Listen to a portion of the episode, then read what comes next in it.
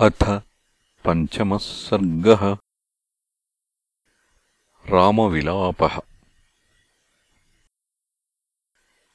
सा तु नीलेन विधिवत् स्वारक्षा सुसमाहिता। सागरस्योत्तरे तीरे साधुसेना निवेशिता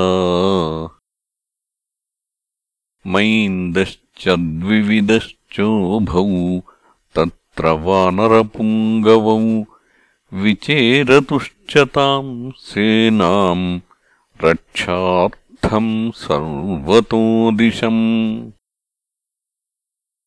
निविष्टायाम् तु सेनायाम् तीरे नदनदीपतेः पार्श्वस्थम् लक्ष्मणम् दृष्ट्वा रामो वचनमब्रवीत् शोकश्च किल कालेन गच्छता ह्यपगच्छति मम चापश्यतः कान्ताम् अहन्यः निवर्धते न मे दुःखम् प्रिया दूरे न मे दुःखम् हृतेति वा। एतदेवानुशोचामि। वयोऽस्याह्यतिवर्तते वा हि वातयतः कान्ताताम् स्पृष्ट्वा मामपि स्पृश। त्वयि मे गात्रसंस्पर्शः चन्द्रे दृष्टिसमागमः तन्मे दहति गात्राणि विषम् पीतमिवाशये।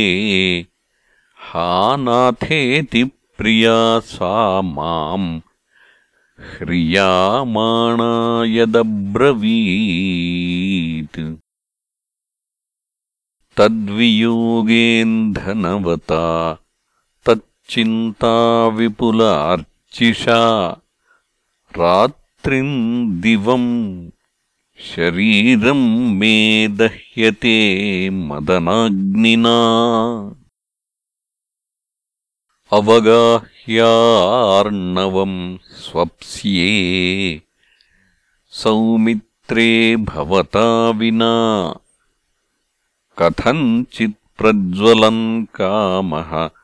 स माम् सुप्तम् जले दहेत्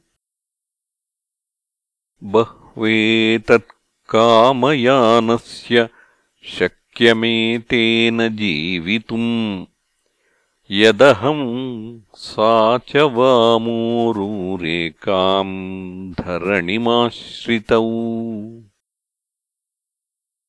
केदारस्येव केदारः सोदकस्य निरूदकः उपस्नेहेन जीवामि जीवन्तीम् यच्छृणोमि ताम्। कदा नु खलु क्षणाम् विजित्य शत्रून् द्रक्ष्यामि सीताम् स्फीतामिव श्रियम् कदा नु चारुबिम्बोष्ठम् तस्याः पद्ममिवाननम्। ईषदुन्नम्य पास्यामि रसायनमिवातुरः। तस्यास्तु संहतौ पीनौ स्तनौ तळफलोपमौ। कदा नु खलु सोत्कम्पौ श्लिष्यन्त्या माम् भजिष्यतः। सा नूनमसितापाङ्गी रक्षो मध्यगता सती। मन्नाथा नाथहीनेव त्रातारम् नाधिगच्छति। कथम् जनकराजस्य दुहिता सा मम प्रिया। राक्षसीमध्यगा शेते स्नुषा दशरथस्य च। कदा विक्षोभ्यरक्षांसि सा विधूयोत्पतिष्यति। विधूय जलदान्नीलान् शशिरेखाशरत्स्विव स्वभावतनुका नूनम् शोकेनानशनेन च भूयस्तनुतरा सीता देशकालविपर्ययात्। कदानुराक्षसेन्द्रस्य निधायोरसि सायकान् सीताम् प्रत्याहरिष्यामि शोकमुत्सृज्य मानसम्। कदा नु खलु माम् साध्वी सीता सुरसुतोपमा सोत्कण्ठाकण्ठमालम्ब्य मोक्ष्यत्यानन्दजम् पयः।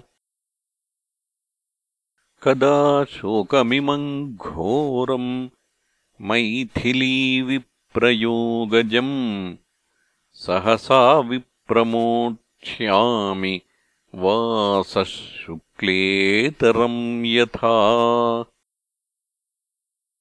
एवम् विलपितस्तस्य तत्र रामस्य धीमतः। दिनक्षयान्मन्दरुचिः भास्करोऽस्तमुपागमत् आश्वासितो लक्ष्मणेन रामः सन्ध्यामुपासत। स्मरन् कमलपत्राक्षीम् सीताम् शोकाकुलीकृतः। इत्यार्षे श्रीमद्रामायणे वाल्मीकीये आदिकाव्ये युद्धकाण्डे पञ्चमः सर्गः